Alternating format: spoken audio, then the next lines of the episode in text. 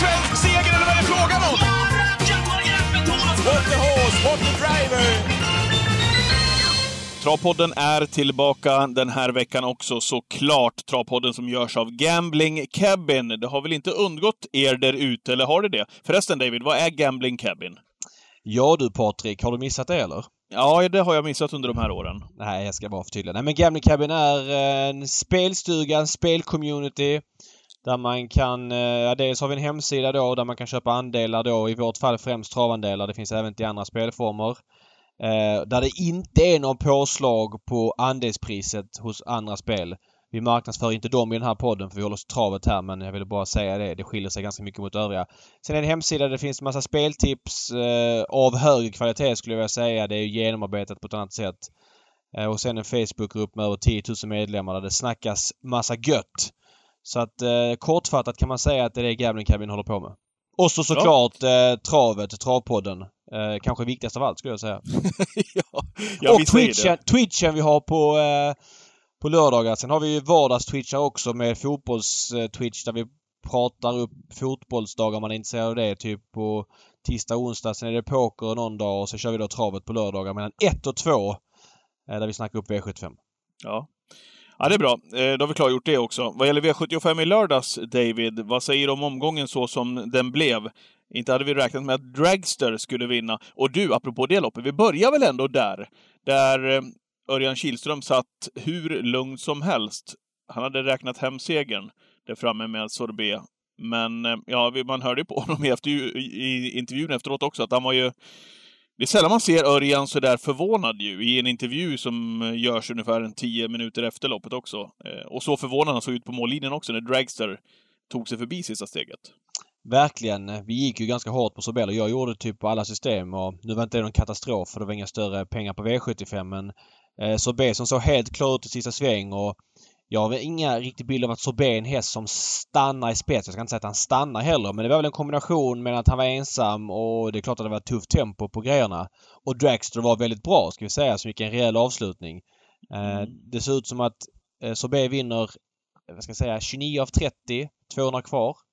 Uh, men, ja, nej. jag tror att han vinner 30 av 30 också om, om Kihlström rycker över växlarna som fanns kvar. Det gör, ja exakt. Det, men du gjorde inte det och Dragster han dit. Det var lite snöpligt såklart men även solen har sina fläckar. Jag vet sedan Örjan gör den typen av missar och nu gjorde han det och jag tycker Örjan är fantastisk driver på alla sätt. Jag vill verkligen säga det men han, det blev fel den här gången för honom. Det är inget snack om saken och det är sånt som händer i... Uh, även Cristiano Ronaldo och Lionel Messi missar straffsparkar. Så att, den är nästan, det är nästan svårt att se när man ser reprisen också, när man vet att Dragster tog sig förbi, att han ska hinna upp Sorbet när man går in och kollar på loppreprisen också. Som du säger, 200-250 kvar. finns ett sånt upplopp från E3 2002, långa E3 på Bergsåker, där eh, Duc Abios går i ledningen, Ebbes Arne Elgi går utvändigt och Malabar Åh, vilka legendariska hästar du plockar fram ja. nu. Eh, Hövding Lavec var med där också. Eh, Malabar Circulos från spår 11 kommer långt ut i banan. Är alltså inte med i bild typ 75 kvar. Alltså inte med i bild vill jag bara betona och bara flyger och vinner loppet. Det är ju sett till kontrasten mellan hur fort den går längst ut i banan mot dem där framme är det snabbaste upploppet eh, jag kan minnas här på rak arm. Ja. Mm. Ja, det, var, det var häftigt att se. Vad säger du om Dragster då, och att, att han lyckades vinna? Det måste väl, ändå, måste väl ändå lyfta på hatten där också för Roger Malmqvist? Ja men verkligen, vilket jobb han har gjort med Dragster. Och jag tycker också att Roger visar ja, men klokhetstecken att han fortsätter matcha honom, matcha honom över kort distans. Tackar nej till Paralympiatravet där han då fick en direktplats. Eh, utan fokar på, på sprinterlopp där Dragster är som bäst. Uh, tycker det, liksom, det är lätt att bli girig sådär. Det, man kanske kan vara fyra, femma i Paralympiatravet och känna en rejäl hacka men uh, smart matchning av Roger här framöver och vilket jobb han gjort med den hästen som jag trodde var mer eller mindre slut efter att ha matchat ganska tufft som unghäst. Uh, grymt! Ja. Ja, verkligen. I övrigt då, Seismic Wave. Du hörde av det där till mig med, med lite panik i rösten när, när Seismic Wave hade varit ute och värmt till V75 i lördags. Och det, det, det ritades ju upp varningstrianglar efter den där värmningen också. Mm, jag måste bara säga någonting om Verre Kronos först som ändå var klar ja, favorit varsågod. i det där loppet. Verre Kronos mm. som... Eh, ja men årsdebuten var det inget fel på. Eh, nu taktade han ur här i, i sista sväng och galopperade. Eh, det är klart att det är aldrig bra när en sån häst galopperar. Jag pratade med Erik i veckan om det. Erik är ju väldigt tydlig med att på skalan när man kan vara orolig, alltså det här är ett minus, det är inget snack om saken att han galopperar.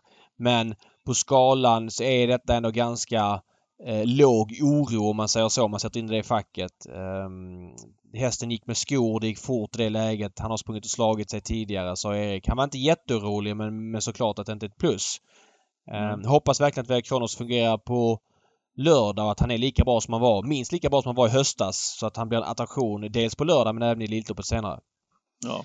Eh, Seismic Wave ja. Nej, det var väl ja. ingen toppvärmning. Jag är ju inte Sveriges bästa värmningsöga. Där är du mycket bättre än mig och jag ville kolla med dig vad du tyckte om den värmningen och ja, vad tyckte du?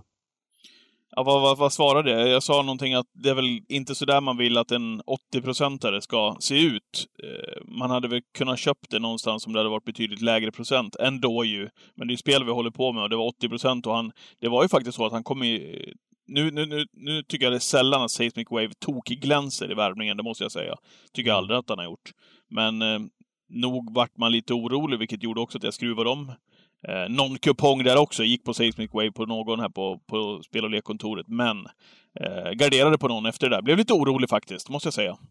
Ja, eh, jag tillhör ju skaran som... Eh, det är svårt att generalisera hur man brukar göra men en värmning brukar jag inte gå för mycket på. Nu var ju som sagt 80% som du sa.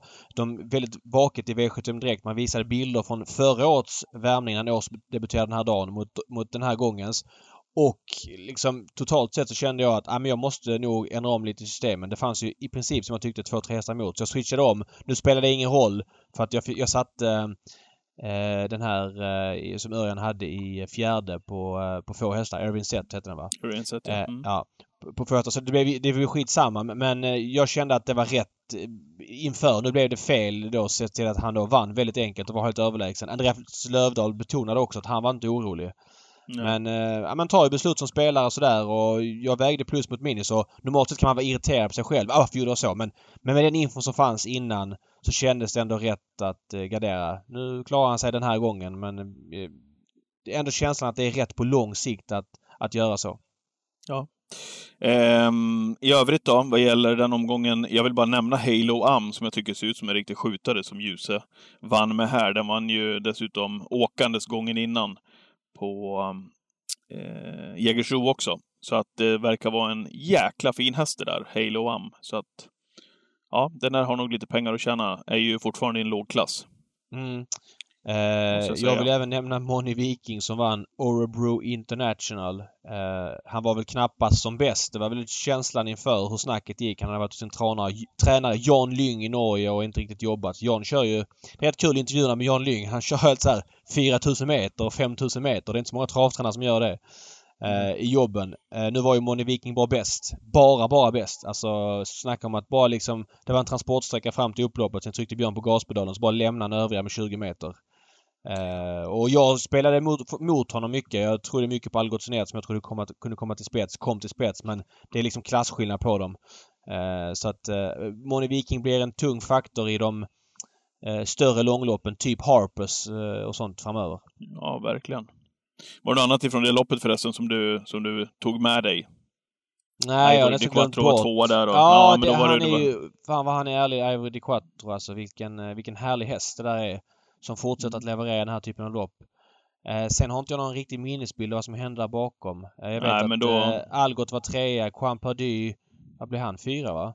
Typ.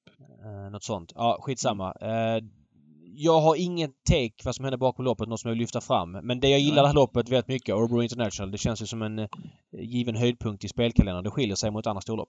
Ja. V86an, eh, vi nämner något ord om den också, som avgjordes eh, precis som vanligt i onsdags med Mr Hercules som vann till exempel. Vi hade på ett otroligt slaskigt. Solvalla såg inte ut att vara speciellt mysigt där. Eh, och banan Nej, såg ju smetig ut. Liksom. Ja, precis. J.H. Mannerheim eh, vann det med Mind Your Value VF, var favorit. Där undrar jag, vad gjorde Rickard Skoglund där? Var det så att han ville ha dödens med Mind Your Value VF? Eh, nej, det tror jag inte. Eller? Nej, jag tyckte inte att han provade tillräckligt. Så... Nej, men nej, är han tyck... inte väldigt speciell Mind Your Value VF alltså? Jo, det är det jag menar. Och det är säkert en sån häst man kan säga, ja men vi, vi valde att köra i dödens för att han är bäst ja. där. Alltså jag, jag kan... Och hade du gjort det med, säg, Globalizer i V868. Äh, vi ville ha döden. Så, men då fattar man att det stämmer inte. Men säger du så med uh, Mind Your Valley VF. Då kan jag ändå fatta att han har gjort bra lopp i dödens. Men ledningen måste väl ändå vara bättre. Det ser ut som att Wäjersten låg tillbakalutad och att Rickard inte ens provar. Men sen vet inte jag hur de kommunicerar. Man fick ingen intervju efteråt. Det var lite synd faktiskt. För att där hade jag velat höra hur han tänkte. Mm. Eh, I övrigt då, LQ Vidde, vilket fint kallblod han har, Westholm. Ja men hon är dubbelt så snabb som övriga. Vilken Ja, sjuk häst. verkligen. Jag hade inte sett den tidigare. Jag har ju sett den i lopparkivet inför gårdagen nu. Men vilken Ja, ja, jag häst, sa ju alltså. det till dig också. Det är Ah. jordbävning emot liksom. Om Ja, där är det verkligen jordbävning emot. Men han har galopperat senast så jag garderar ju. Men han kan ju springa dubbelt så fort som övriga. Ja. Eh, sen var det Margareta-serien på Valla. Det är ju trevliga lopp liksom. Mr Hercules eh, studsar tillbaks efter ändå floppinsatsen på Åby får jag säga att det var. Eh, den här Karl Hallback är ganska bra. Eh, det var en rejäl avslutning i spåret på den här såsiga banan. Eh, Ja. 10,5 sista fem ungefär i tredje spår. Det, det, det är en trevlig häst. Så att eh, det var väl i princip det. Globalizer skrällde till och Mm. sådär. E3-vinnaren som Mm. eh, bara var 4-procentare. Ja, hon var nog lite Ja. underspelad. Gick faktiskt helt okej, Drottning Silvias pokal. Det är lätt att Vi säga måste, vi när man måste nämna också Sandra Eriksson som var så lycklig efter Swag, Swagger. Ja. Eh, eh, och insatsen som den gick, den gick väl en låg 11-tid väl? Mm, 11 och 1 från spets. Mm. Eh, Mm. Så att Swagger... Nej, jättekul för Sandra Eriksson. Uh, härlig intervju efteråt också. Till alla er då som följer oss på, på det här som David pratade om på Gambling Cabin och Spel och lekkontoret så märkte ni att två av mina tre system inte var inlämnade. Eh, jäklar vad jag irriterad igår. Så man sitter också stressad. Man, eh, jag vill alltid ha det senaste. Jag vill ha de senaste värmningarna. Jag vill dra ut på den när jag ändå sitter med datorn framför TVn. För jag, jag, ja, jag vill inte lämna någonting åt slumpen på de här systemen som vi gör. Men bara två av tre kom in. Det var ju strul med ATGs sida och det, ja, det blir ju irriterande när man väl sitter där och inte får in grejerna och man får eh, DMs på Instagram och på Twitter och folk skriver varför man inte har lämnat in och så vidare. Det kändes ju jäkligt surt måste jag säga. Ja, det var ju inte bara för dig, utan det gäller ju andelssidan generellt och vi ska säga det att ATG hade ju haft strul i många år men efter påsken förra året och det var det här generalknaset när han fick flytta på start, V75-starten två gånger så har det funkat. Alltså jag kan inte på rak arm säga något större strul och så vidare och gårdagens strul drabbade Men vilket bara... vi också har betonat Ja, vilket tidigare jag har också. sagt betonat, att vad, vad bra det har funkat, vad skönt det har varit. Man Ja. har ju tidigare när det var det här strulet så, så hade i alla fall jag marginaler att jag tänkte att ja, men det är lika bra att lämna in här nu. Så att det Mm. liksom inte blir strul sista 45 minuterna eller någonting. Eh, Ja, det men det har ju funkat så bra så nu satt man ju där och, och hade is i magen igår. Ja men så är det och det är teknik. Jag menar Avanzas sida kan också lagga ibland under börstid. Det är sånt, jag, nå- någonstans kan landa i det och det var ändå bara andelssidan som eh, drabbades igår. Men det är klart det är surt. Man hade pluggat. Jag fick också bara in två av fyra system. Eh, så att, nej, det, det är som det är liksom. Det, det är tråkigt men... Och jag fattar att folk är upprörda. Men jag kan ändå landa i att där och då är man irriterad. Men jag kan ändå landa i att det är sånt som jag har lärt mig leva med. Mycket mer än dåliga strategiska beslut inom, eh, ja men ja, men travet eller andra faktorer. Det kan störa mig mycket mer. Men bara så att slänga ur. Typ att man inte fick gå på trav förra sommaren och vara på travbanan utomhus när smittspridningen var låg. Det var ju ändå ett aktivt beslut. Det här är ju tekniken som fallerar och med tätt in på start. Visst, det hände en kvart innan. De har skjutit på det tidigare. Nu kanske det upptäcktes för sent så de sköt inte på starten. Det kan man tycka vad man vill om. Men det är ändå tekniken som felar. Det är ju liksom inget aktivt beslut. Men att någon aktivt beslutar att nej, eh, det är smittspridningen är låg men vi får inte vara på trav utomhus 500 eller 1000 personer. Sen finns det ju grader det. Dels då travet som bestämmer det. Sen även då Folkhälsomyndigheten som inte tillät någon form av publik på Allsvenskan förra sommaren. Den typen av beslut gör mig mycket mer irriterad än sånt här. Ja. ja, ja, det är som du säger, det är lite shit happens, men det är irriterande när man väl sitter där eh, för alla andelsköpares skull, om inte annat också, som har laddat upp inför en onsdagkväll med jackpot, som det ju Ja. var också. Mm. Så är det. Men vi släpper den skiten eh, och hoppas att det funkar bättre på lördag i, igen vad gäller onsdagens tävlingar alltså. Eh, så stänger vi den dörren där. Mm. Eh, apropå publikfrågan, du var inne på, på, på det nu. Eh, jag hade några kollegor, några kompisar hemma i byn som fick besked här eh, om dagen faktiskt ifrån Solvalla att ja, de var så otroligt lyckliga. De hade ansökt om plats då på Solvalla som är begränsad såklart på grund av pandemin, men eh, hade fått platser där och var så otroligt lyckliga. Så de hade fått ett glatt besked att de var välkomna till, till Solvalla sista helgen i maj. Oavsett hur många det var. Det var, det var ett glatt gäng kan jag säga. Vad, vad känner du? Eh, det beskedet kom igår va? Onsdags. Mm. Där Solvalla kommunicerade att man kommer hålla, som jag uppfattade, kongressen, Valla krog, bistron. Sen vet jag inte om det var Ströget. Men restaurangerna är öppna. Ja, Eh, alla, på sport, eh, ja men enligt restriktionerna som gäller för sporten då liksom. Eh, och annan idrott. Och då pratar vi alltså max fyra per bord enligt de restriktioner som finns nu. Det finns ju planer på att lätta det här 17 maj och smittspridningen verkar gå neråt nu men fyra på bord och ja, det blir ju inte samma drag som vanligt men ändå att man kan vara på plats. Det är en stor lättnad för oss som verkligen vill vara på plats. Sen kan ju inte alla vara på plats för det är ett begränsat antal men att folk kan vara på plats är ett stort plus. Sen hoppas jag även på att det blir någon form av lättning. Jag läste Expressen idag, Noah Bachner, journalisten där, skrev om att fotbollsförbundet skulle ha möte med eh, Folkhälsomyndigheten idag Eh, och då skulle man prata om, eh, ja men försöka öka publiktaket innan EM-uppehållet och då gissar jag att travet slinker med där med att man kan vara någon form av publik då. Främst i Elitloppet. 500 kanske 1000 pers utomhus. Det gör ju väldigt stor skillnad mot noll. Så mm. att, eh, nej, eh, positivt äntligen att eh, vi snart kan vara på travet. Verkligen. Och eh, vad härligt för Solvalla som kommer att kunna bevisa att man på ett säkert sätt kan ta emot eh, gäster i restaurangerna. Va? Som du säger, fyra om fyra, gott om avstånd. Eh, ja men så ser du. Sen kan ju inte Solvalla lämna eh, liksom världsgaranti. Jag menar om du har avstått, om du är i riskgruppen och har avstått vaccin, ja då kanske du ska skita i att gå dit liksom. Jag menar Solvalla kan ju inte göra mer än att följa restriktionerna. Du går Nej, det, men det är det jag menar. Man, men jag tror också att när man har jobbat med de här publikprotokollen att det finns saker att göra. Eh, man har lärt sig någonting av den här pandemin också. Eh, mm. Att, att ja, men jobba med lite funktionärer kring toaletter och så vidare, att inte samlas köer och det. Ja, men så är jag det. Tror man, jag tror att man kommer sköta det där på ett alldeles ypperligt sätt. Ja, Solvalla tog det ett, ett steg längre. Jag läste Jörgen Forsberg i en intervju som sa att man ska införa slotttider eftersom det inte är så mycket folk som kommer ja. till Solvalla Elitloppshelgen så är det liksom att, ja men för att undvika det. Jag kan säga så här, jag kan komma till Solvalla mitt i natten om de vill, bara för att vara på plats eh, den helgen. Så att, eh, ja. det är ja, skitbra löst. Det är jag jättebra. Betvivlar, jag, be, jag betvivlar inte det. Nej. Nej. så att det där är jättebra eh, löst och hoppas nu vi får vara så många som möjligt liksom så att det ändå går. Men jag kan inte tänka mig att det är någon risk för smitta. Nu gissar jag, jag är inte epidemiolog men tusen pers utomhus på Solvalla stora arena med inhägnade områden eh, borde gå att lösa på ett smittskyddssäkert sätt, tycker jag då. Eh, och, och återigen, man kanske inte ska gå dit om man har avstått vaccin och är i riskgrupp men övriga bör kunna klara av det på ett bra sätt. Ja. Nu går vi in på veckans gäst. Kortis om eh, den gästen, din uppfattning så här innan vi pratar med dig, och?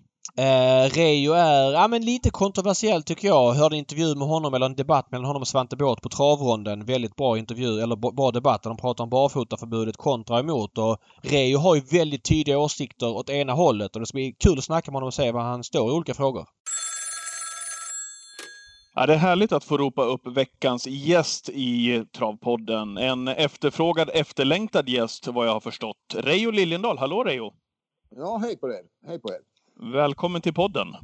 Tack så mycket. Tack så hemskt mycket. Jag ska säga dig David att för, eh, kan det vara drygt 20 år sedan någonting, så eh, när jag hade börjat jobba på kanal 75, när kanal 75 var nystartat, så, och eh, jag, jag, jag, vet ja. vilken story du kommer dra. Jag Nej, jag, den, jag, jag, kanske, vi får se. Eh, hur som helst i alla ja. fall så var det Johan Edlund som jobbade, det var jag och det var...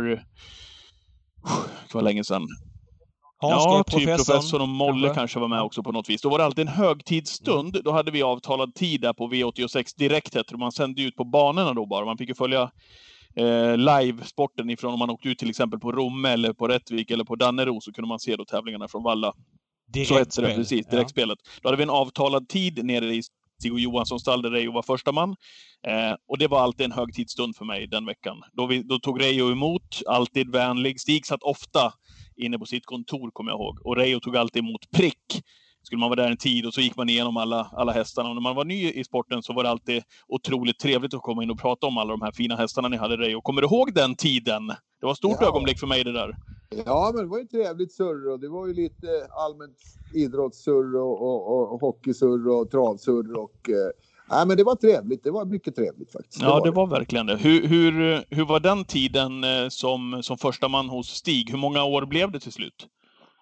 Det blev drygt 30 år och eh, det är klart att eh, det var väldigt bra tid och lärorik tid framför allt på alla håll och kanter och det skulle jag gärna vilja att många av de här ungdomarna fick vara med om som är på väg uppåt i sporten.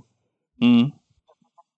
Men, men, men eh, där och då, du var ju väldigt länge hos Stig så det är nästan, nästan som att ni var parhästar och lite oskiljaktiga och jag hade ju aldrig hört dig säga att du ville bli egen tränare. Hur kommer det sig att du valde att eh, gå din egna väg till slut? Ja, men det var ju det. Det var, det var ju rätt så hastigt beslut och eh, bli egen tränare. Då hade jag egentligen inga tankar att bli egen tränare för att eh, det fungerade till den punkten perfekt och eh, sen kom det här avgörandet och eh, ja, sen som alltid vill jag gå fullt ut in i matchen och eh, då bestämde jag bli tränare och satsa på det och den vägen är det helt enkelt. Mm. Men jag måste fråga där, var det någon schism kopplat eh, till att du lämnade Stigå? För att utåt sett så har det känts som att ni i varje fall inte har pratat med varandra så mycket efter det. Kan man gå in lite grann vad som hände ja, där? Jag har ju sagt att jag kommer aldrig att gå in i det, in i det där och eh, kommer inte att göra det nu heller. Jag kommer inte att berätta någonting om det. Och eh, sen har vi pratats vid efter varandra och eh, det om detta. Mm. Men hur är relationen idag? Ni hälsar Absolut och växlar ett par ord så att det är inga problem. Vad, vad tar du med Okej. dig från de, de åren, Reijo, med alla framgångar som ni hade? För det var ju precis som David säger här, det var ju ett, det var ett team man förknippade det där med och så, och så massvis med duktiga hästskötare också som var där under lång tid. Eh, vad tar du med dig från de där åren? Vad minns du bäst? Ja, men det är klart att du, du nämnde också att det var en eh, organisation, det var ett team. Eh, det var ju Stig som fall, eh, fällde avgörandet i alla frågor som var viktiga och livsavgörande. Och eh, sen eh, verkställde jag helt enkelt det som han ville att det ska bli gjort. Och eh, må- många bekväma och obekväma beslut men eh, eh, jag lärde mig att jobba stenhårt och tro på det man gör och eh, framförallt sätta hästar i fokus och hästarnas hälsa och ordning och reda i omgivningen och i stallet och se till att hästarna mår bra. Det är de som presterar och det är idrottsmän. Mm. Men du började Stig, vad sa du, ungefär 83, kan det stämma? Nej, jag började 77 va? Oj, och slutade... Ja, 2013. Ja, så det är me- mer än Ja. 30 år. Det är alltså Mm. 30, Ja, det, 34 år, det något sånt 35 där, år. Ja. Du har varit med på en ot- otrolig resa får vi säga. Alltså det är en dynasti inom svensk travsport som egentligen saknar lite motstycken. Ni vann Elitloppet sex gånger.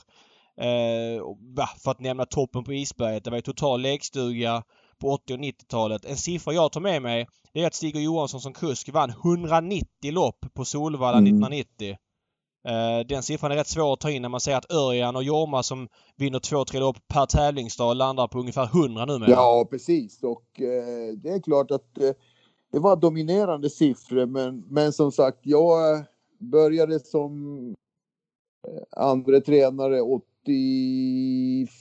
83, 84 någonting. Där jag drog ner antalet passhästar och då skodde jag, körde fort och hade en passhäst den tiden och eh, eh ja, jobbade vid sidan om honom och eh, fick köra många bra lopp många bra hästar och eh, körde många gånger i andra hand efter honom, både Solvalla och V75 och eh, ja, man lärde sig en hel del utav det så att eh, man skäller på kuskarna idag så kan, kanske man har, man har befog många gånger men, men så är det ju.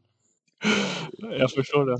Men eh, vi, du, det var ju väldigt många år det här och, vi pratar om din dynasti. Kan du peka ut en absolut höjdpunkt under åren hos Stig H? Ja, men det är klart att det finns en höjdpunkt när jag fick en häst som heter Dianion i min vård och eh, jag glömmer aldrig att Stig sa till mig att ja, får du den här hästen att fungera så är det världsstjärna. Men han är Mm. dum i huvudet sa han så att eh, det, det är inte lätt. Ja, jag jobbade en vinter och året efter gick han världsrekordet i Halmstad och eh, sen vann han Elitloppet och Lotterian och några andra stora lopp som femåring så att eh, det blev en världsstjärna. Mm. Så Donion är favorithästen kan man säga kanske? Ja, det var på den tiden. Han eh, var ju stenhård i psyket och stenhård i skelettet och bena och eh, tålde den träningen som få hästar tål. Men, men han blev bäst på den tiden och jag tror att han förlorade ett eller två lopp som femåring. Mm. Du, eftersom han ligger dig lite extra varmt om hjärtat, hur känns det att eh, stallfiket på Solvalla är döpt efter honom? Ja, man tittar några gånger efter det och eh, det, det är klart att eh, det, det är rätt så stort faktiskt. Man funderar många gånger de här resorna som man gjorde med honom till åtaliga resor till Italien och ja, Frankrike och USA ett par gånger och ja, det, det, var, det var en härlig tid faktiskt. Det var. Mm. När, du, när du säger det där, när man, eller vi har, många poddar har vi gjort, hur många gäster har vi haft eh, David? Nej, 56. 56 tror jag. Eh, om, man, om man säger att merparten av de, de gäster vi har haft under de här avsnitten inte känns eh, som några nostalgiker. De har ju haft mycket att se tillbaka på. Många utav dem som jag pratat med. Det känns inte som att det liksom är, ligger travtränare eller eh, kuskar liksom nära till hands att vara det. Att blicka tillbaka, sätta sig tillbaka och titta på, men kolla det här har jag gjort. Hur är det med din bit? Vad gäller det? Nej, men det är så att jag brukar aldrig säga att man ska inte titta så mycket bakåt. Man ska försöka fokusera på framtiden. Men, men det är helt klart att skapa distans till livet och eh, i branschen så bör man ju titta vad man har gjort rätt och vad man har gjort fel och lära sig naturligtvis utav misstagen och eh, sen ta med sig eh, Eh, de här bra bitarna som man har gjort rätt och eh, det prutar jag inte på. Det brukar jag göra. Jag har hästar som jag har ja, försökte träna efter de idéer som jag har haft och eh, fortsätter att ha. Ja, kul. Men eh, kan man fråga då lite konkret, eh, när du slutar stiga, vi behöver inte prata om varför du slutar, men du, du, du, du drog igång en egen rörelse och har ju tränat efter ditt huvud. Kan du säga lite grann hur det skiljer sig mot hur ni jobbade hos Stig-H? Ja, jag tränar definitivt mer. Sen är det ju så att hästarna tränas mer och eh, kanske mer på mjukare underlag. Och sen tränar jag lite tuffare än vad det gjordes på den tiden. Men det är klart att hästmaterialet har blivit bättre och de tål ju att tränas tuffare. Men eh, träningen på mjukt underlag och eh, träna tuffare, det har jag definitivt gjort. Mm. Är det, är det, Okej. Du tror att, tror att det ser ut så rent generellt eh, nu för tiden jämfört med om man backar då till, till 80-talet till exempel? Ja, det har ju bevisligen utvecklingen gått åt det hållet. Det är ju eh, dagens tränare, det är väl Daniel Redén i spetsen och eh, många andra. Åke Svanstedt började på sin tid, men, men faktum är att eh, en människa som jag uppskattar och högaktar är ju vår gamla veterinär Lars-Erik Ullberg hos Stig som redan i början på 80-talet pratade om en sandbana. Då fanns det ingen plats och möjlighet på Alby och eh, den vägen är. Men han var ju en eh, ja, föregångsman i svensk travsport och eh, eh, huvudet högre än många andra. Mm. Men är det så du tränar idag huvudsakligen? Du är på Hjulmyra va? Ja, vi, det ja, vi tränar julmyra och eh, eh, vi har väl haft lite sämre barn, barn, barnförhållandena här nu ett par år och inte riktigt lika fint som vi hade för två år sedan. Men eh, vi är på väg åt rätt håll nu igen och eh, det ska väl bli lite förbättringar här så snar framtid så att eh, eh, vi kan återuppta träningsfilosofin till fullo och då ska vi se. Eh, jag tittar på din träningslista. Du har 29 hästar på listan. Eh, du har minskat ganska mycket sett till hur det var när du drog igång där 2013, 2014 när du var Formula One och, och, och dem. Är det medvetet eller har det bara blivit så? Nej, men det är medvetet. Det är helt enkelt så att eh, eh största orsaken är det att eh, det är som alla andra i sporten, de har problem att få kompetent personal och eh, eh, det är det som eh, drabbar sporten och eh, det är på grund av det jag har dragit ner verksamheten från över 90-100 hästar ner till eh, 30 hästar och eh, Det är den nivån som jag vill ligga på. Det kommer inte att bli mer. Sen har jag naturligtvis 12 tvååringar hos Ville Karulahti på Bjärtorp och sen har jag fem amerikanska hästar hos Marcus Melander i USA som räknar jag med som mina hästar och eh, eh, det är klart att eh, jag har lite mer än de hästar. Sen har jag lite konvalescenter också bortplacerade så att eh, eh det är några till men det är klart att det är personalproblemet som vi alla inom sporten jobbar med. Men du, det där är ju, det där är ju väl- väldigt spännande för att jag tänker, man pratar ju ofta i termer, eller vi gör och jag gör, att hur kommer det se ut i svensk travsport om, om 10-15 år när det är så lite folk på banorna och, och blir svårt att rekrytera hästägare framför allt. Eh, du ser att det är svårt att ha fler hästar i träning för att det är svårt att ha kompetent personal. Ja, det har jag sagt förut att jag beundrar killar som har 100-150 hästar i träning för att eh, Eh, kvaliteten på personal har försämrats. De här toppskötarna som vi till exempel hade hos Stig på 90-talet och början på 2000-talet, de, de, finns inte längre. Det är några få, men de börjar komma till åren och eh, deras belastning ökar så att eh, de här skolorna som så kallade travskolorna och travgymnasierna, deras produktion är undermålig. Men okej, okay, det här måste vi bena ut. Eh, du menar alltså att ditt stall inte är större för att det är svår, svårt att rekrytera skötare? Är det, är det så vi Klart. det? Konkret. Mm. Eh, och vad, vad gör ni, du slash ni i branschen för att skötarna ska ha det bra? Eller vad vill, skulle du vilja locka med för att de skulle vilja jobba hos dig? Ja, men alltså, jag kan bara berätta för mig själv att vi betalar eh, avtalsenliga, vi betalar bra. Vår personal, de har ju samma lön som en ute, utexaminerad polis till exempel och sen har de vissa övertidsersättningar, helgersättningar, utställningar, 1% på inkörda pengarna som sin passhäst springer in. Ja, mm. med mera. 13 procent utav förra årets inkomst som semesterlön och eh, så vidare. Så att Eh, jag tycker att det är vettigt betalt. Sen är det ju bra yrke. Naturligtvis tufft, jag förstår det. Men eh, vi alla i branschen som har varit med några år så vi vet att eh, våra tränares arbetsbelastning ökar hela tiden också. Mm. Men vad är din analys av det här då? Varför vill inte fler jobba som skötare inom travet? Ja, jag, jag, vill inte säga sena starter på V75, det vill jag inte göra. Men, men Nej men du, du får säga vad du tror. Alltså vi frågar ju ja, dig för att ja, det här är ett jätteproblem för travet. Det är ett jätteproblem för travet, men jag tror att det är utbildning. De får en helt felaktig bild och helt fel utbildning. Skicka ut ungdomarna till travstallar och få dem lära hur trevligt det är att köra häst, hur de ska sköta häst och tycka om sina hästar istället för att sitta på skolbänken uppe i Jämtlandsskogen. Det går ju inte. Okej, okay, du menar att uh, de får inte tillräckligt mycket praktisk utbildning? Är det exakt, så? exakt. Uh, jag förstår. Uh, har, är det någonting som du har kommunicerat i de här skolorna? Liksom att du skulle ha det på ett visst sätt eller ni aktiva? Må eller hur ser den dialogen ut? Många år sedan tillbaka men det händer ingenting och det är klart att det, det drabbar ju sporten, det drabbar tränarna och det drabbar hela branschen, spelet, allting för att eh, tränarna måste ju skära ner verksamheten och sen är det ju också så att eh, eh hästarna blir ju lidande när de har 10, 12, 13 passhästar per man och eh, det, är, det är ju klart att produktionen sämras då. Vems fel är det här tycker du? Vem har du påtalat det här till? Att det här ja, det är helt klart att det är SD som bör ju ta tag i de här problemen lite allvarligare med järnhand än bara sleta över problemet och tycka att ja, tränarna gnäller när de inte får folk och si och så. Men eh, SD bör ju skärpa sig i vissa bitar tycker jag. Du, in, eh, jätteintressant här. Innan vi lämnar ämnet bara. Du hävdar även, eller du är lite inne på att eh, sen V75-start på lördag inte gynnar branschen på det sättet. Du tror det missgynnar också, eller?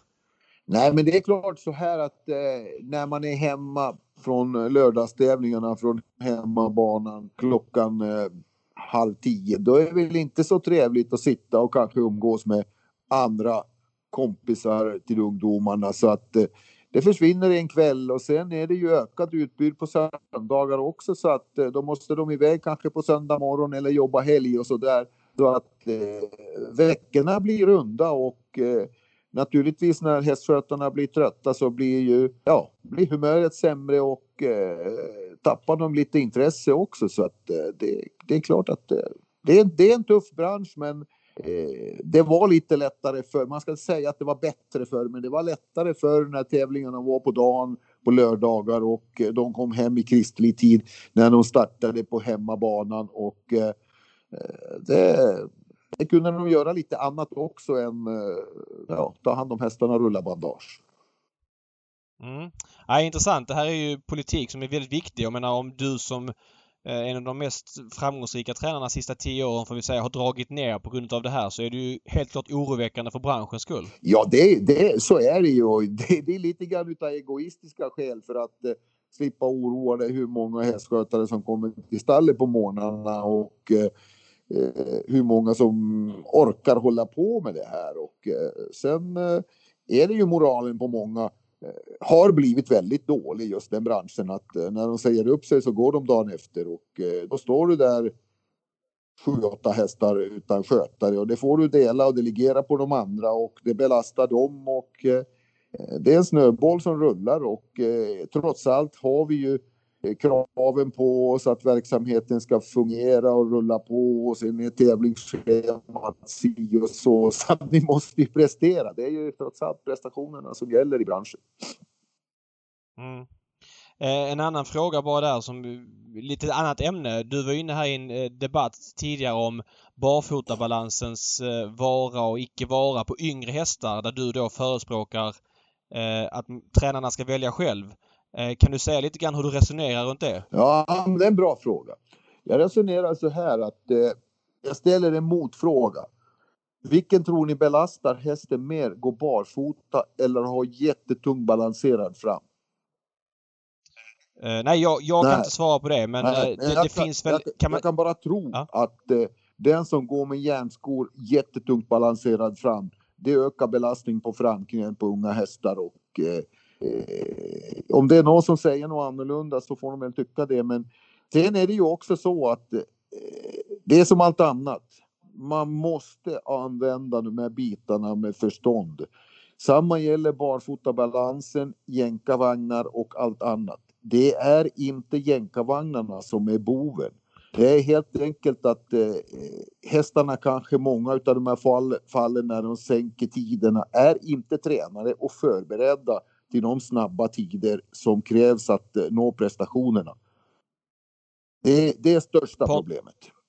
Men Ja, barfotabalansen, barfotabalansen är helt klart det mest gynnsammaste och skonsammaste för en häst att springa på.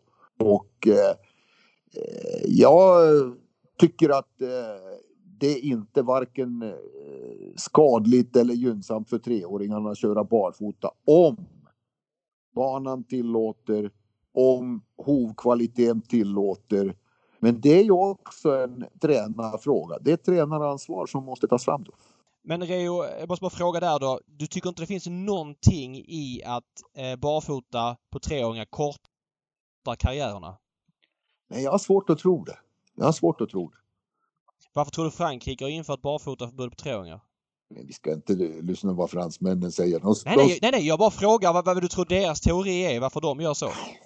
Jag, jag vet inte varför. De har fina banor, fina underlag och eh, var, varför de har det, det kan jag inte förstå. Men de släppte ju lös Soloa också så att det är inte så konstigt. Vad de Ja, nej, så- nej. Nej, nej det, har- det har du rätt i. Eh, ska vi gå in lite grann? Okej- Ja, vill du ställa en följdfråga där David? Nej, jag vill bara ställa, men bara kort där med jänkarvagn också. Du trodde inte att det påverkar heller? Du tror inte att, att... För att motargumentet är ju att hästarna får springa för snabbt för tidigt och kanske korta karriärerna. Men du tycker inte jänkarvagnen heller spelar någon roll där? Nej, men det är ju inte hela sanningen. Det är som jag säger att det, det är de här hästarna som eh, inte är förberedda till de här tiderna, som inte är väl förberedda till de här tiderna. Det är klart att du kan få reaktioner om du kör en vanlig vagn och sänker från 15 till 11,5. Det kan du ju naturligtvis få reaktioner då. Och du kan få reaktioner när du kör 16 två veckor i rad. Du vet, det är en väldigt svår fråga att säga att en har rätt och en har fel. Men jag har svårt att tro att det är barfotabalansen och jänkarvagnar som är största boven. Jag har haft hästar som har eh, gått barfota som treåringar som har gått bra och eh, fortsatt gått bra och eh, gått i jänkarvagnar och alltså det, det är helt klart att det är inte det som är sanningen. Många utav hästarna springer mycket lättare i jänkarvagnar och eh, sen en sak till de här jänkarvagnarna. Jag tycker att tränarna ska själv begripa att inte köra voltstarter med de här jänkarvagnarna för de är inte gjorda för det. Men eh, det är många utav de här som praktiserar det och provar med det nu också. Jag såg förra omgången på V7 i Örebro också. Det var någon som eh, gjorde det som har varit motståndare för det. Så att eh, jag tycker det, ja, det, det är inte det Men, som men är det, det, här är jätteintressant. Men vad, vad tycker du om inte det här är saker som då enligt dig kortar hästars karriärer? Vilka argument tycker du vi eh, talar för att hästarna kanske ska vara bra i fler år än som två, tre, fyraåringar? Ja, du menar om de går barfota och jänkarvagn? Ja men att det var ett exempel, att det är ett argument för att hästarna får kortare karriär, att de springer fort för tidigt och inte är mogna för det. Har du någon konkret åtgärd som du skulle vilja göra för att eh, färre, fler hästar ska vara med en bit upp i åldrarna? Ja, det är en bra, Eller du det, tycker det, det är en bra, det är en bra fråga. Men det är ju helt enkelt så att aveln går framåt, hästarna blir starkare och eh, sen är det ju klart att eh, det finns också lite grann i tävlingsprogrammet att göra. Fördela de här pengarna, typ E3 och eh, även kanske Margareta-serien till flera hästar som kan tjäna dela de loppen till exempel att en kan tjäna 150 istället för 300 och göra en serie med lite lägre klasser och högre klasser. Typ, jag ska inte ta någon exempel, men eh, New York Sire, Pennsylvania Sire i USA där det finns olika divisioner, olika kategorier där hästarna, flera hästar kan tjäna mer pengar och eh, då kan de eh, Eh, tränarna välja motstånd för sina hästar och eh, ja, alla är inte topphästar, men som programmet är nu till exempel i E3, det är en som vinner och eh, då är många gånger den bästa hästen och naturligtvis är det ju så, men eh, men sen är det ju, man kunde dela de här pengarna och göra olika divisioner. Eh, det kanske inte är så dum idé, men jag vet inte. Mm. Du, eh, Ray, om vi går in lite grann och kikar på eh, ditt material här och dina framgångar som du haft på kort tid ju sedan du drog igång. Jag kollar bara här på, på dina resultat eh, och redan är du uppe i fem stycken grupp 1-loppsegrar. Eh, vad, ja, vad, vad säger du om det?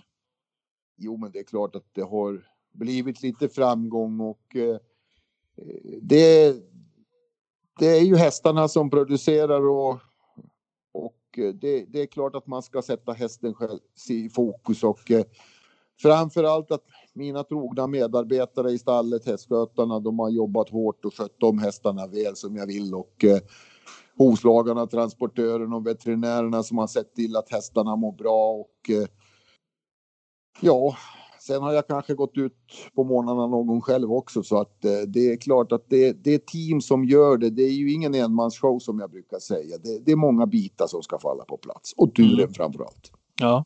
Eh, om du kikar till de här då, så du får väl rätta mig om jag har fel här, men, men största pen, eh, segern penningamässigt var British Crown där för treåringar vann en Grant Book och vann 1,6 miljoner 2016. Är det, är det största segern hittills väl? Eh, ja, Sett Det- till pengar i alla fall då. Sett i pengar är det ju det naturligtvis och det var en bra dag för Policy och Trot var tvåa så att eh, Just det. vi körde in en hygglig slant den dagen och eh, jag tycker att eh, det, det var en bra framgång men det var ju två bra treåringar och eh, eh, det blev ju snabbloppshästar utan dem där så att eh, jag, tyck, jag tycker att det var, det var två bra hästar och ja. Eh, Det, det Men var, minnet sviker ganska snabbt. Vad, bara på, på, vad gjorde Grant Bucco som eh, snabbloppshäst? ingen aning, jag tror att han är död. Mhm. Jaha, okej. Ja, det- Ja, Jag tänkte du sa att det blev två bra snabbloppshästar. Jag försökte Ja. komma på vad han hade gjort. Han gick på snabbloppet, han gick till Finland och sen vet jag inte vad som hände med, med honom. Och- Han, och- de hästarna flyttades, eller ja, blev uppsagda från mig. Ja. Så att, eh, Precis. Och Policy of. Truth också ju. Har inte startat sedan han lämnade din träning där 2019 va? Nej, gaffelbandsskada och eh, det var ju två eller tre gaffelbandsskador och då ja, jag rekommenderade jag att han skulle gå i pension. Sen vet jag inte vad han gör nu. Nej, okej. Nej. Du, och, Du, en ja. fråga där Bob.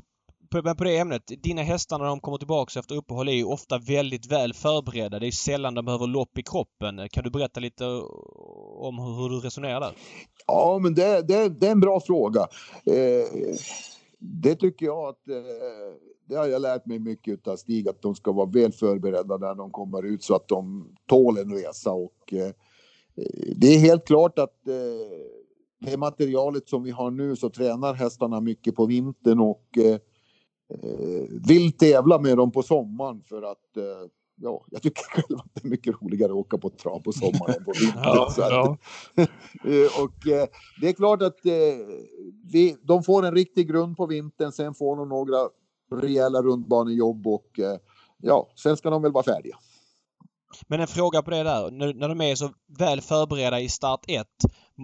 Är inte risken större att de kanske inte tar ett kliv till start 2? Är du menar? Att du toppar så mycket till första att du inte får någon liksom effekt på det loppet i kroppen? Ja, men de är inte toppade. Det är de inte. Nej, okej. Nej, de, är, de Okej. är väl grundade och eh, men de är inte toppade. Jag har inte kört någon väldigt, väldigt snabb. Alltså, sällan, sällan kör jag fortare än 20 med dem. Så att eh, eh, det, är, det, är, det är väldigt sällan. Då ska det vara några exceptionella hästar som jag kör 18, 17,5, 18 med dem. Och eh, det, det, det är de som jag tror att eh, ska vara klar nästa gång när de startar.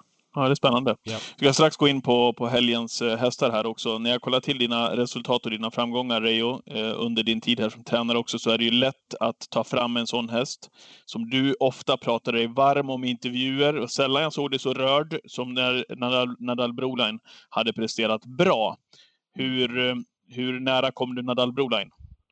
Ja, det var en... Eh, han var väldigt nära mig. Han var... Usch, det var ju en väldigt känslosam häst. Det var en häst som jag köpte in som fölunge till hästägarinnan och, eh, och, och eh, hade lite gropar i asfalten som två och treåring och eh, ja, sen tränade vi på och han, han gjorde allt rätt och han hade sköra ben men eh, gudabenådad huvud och ville springa och ja, han, han, han ligger fortfarande väldigt nära hjärtat på mig.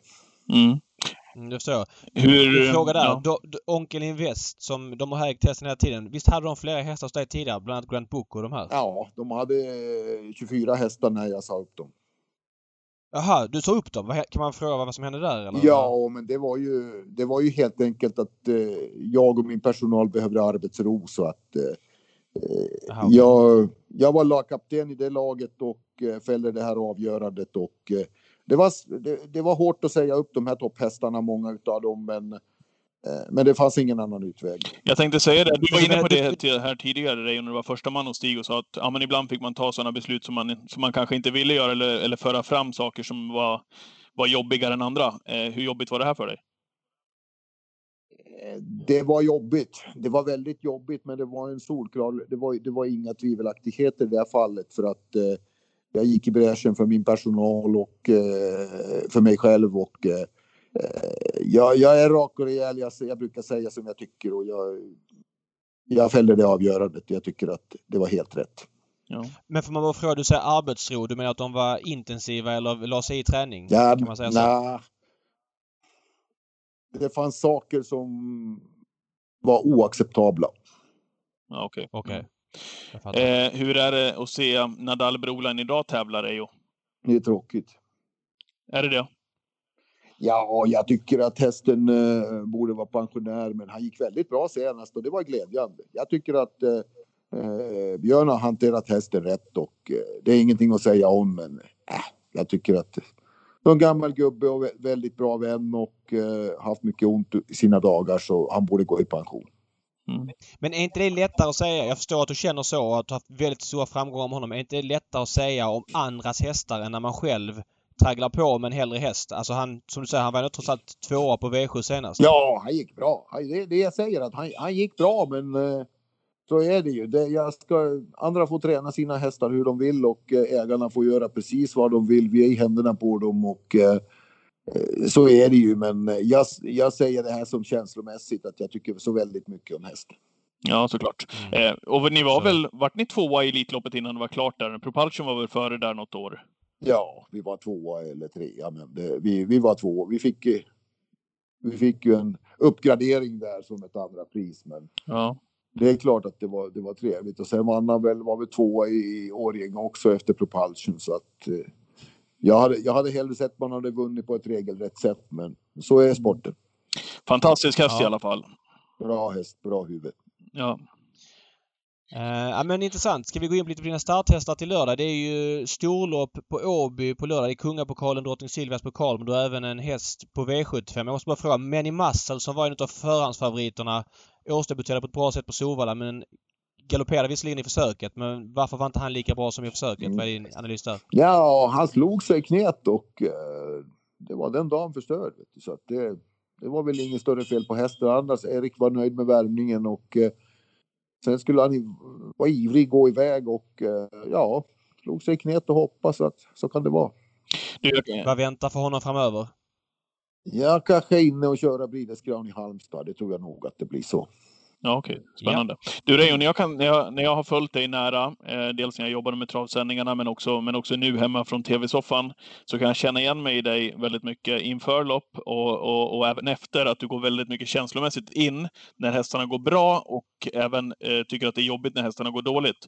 Eh, vad säger du om den sidan som du har där? För jag, jag känner mig igen väldigt mycket i dig där. Är det någonting som liksom du du tänker att det här är en bra egenskap eller någonting du jobbar med eller känner du liksom att, att det, är, det är så här det är?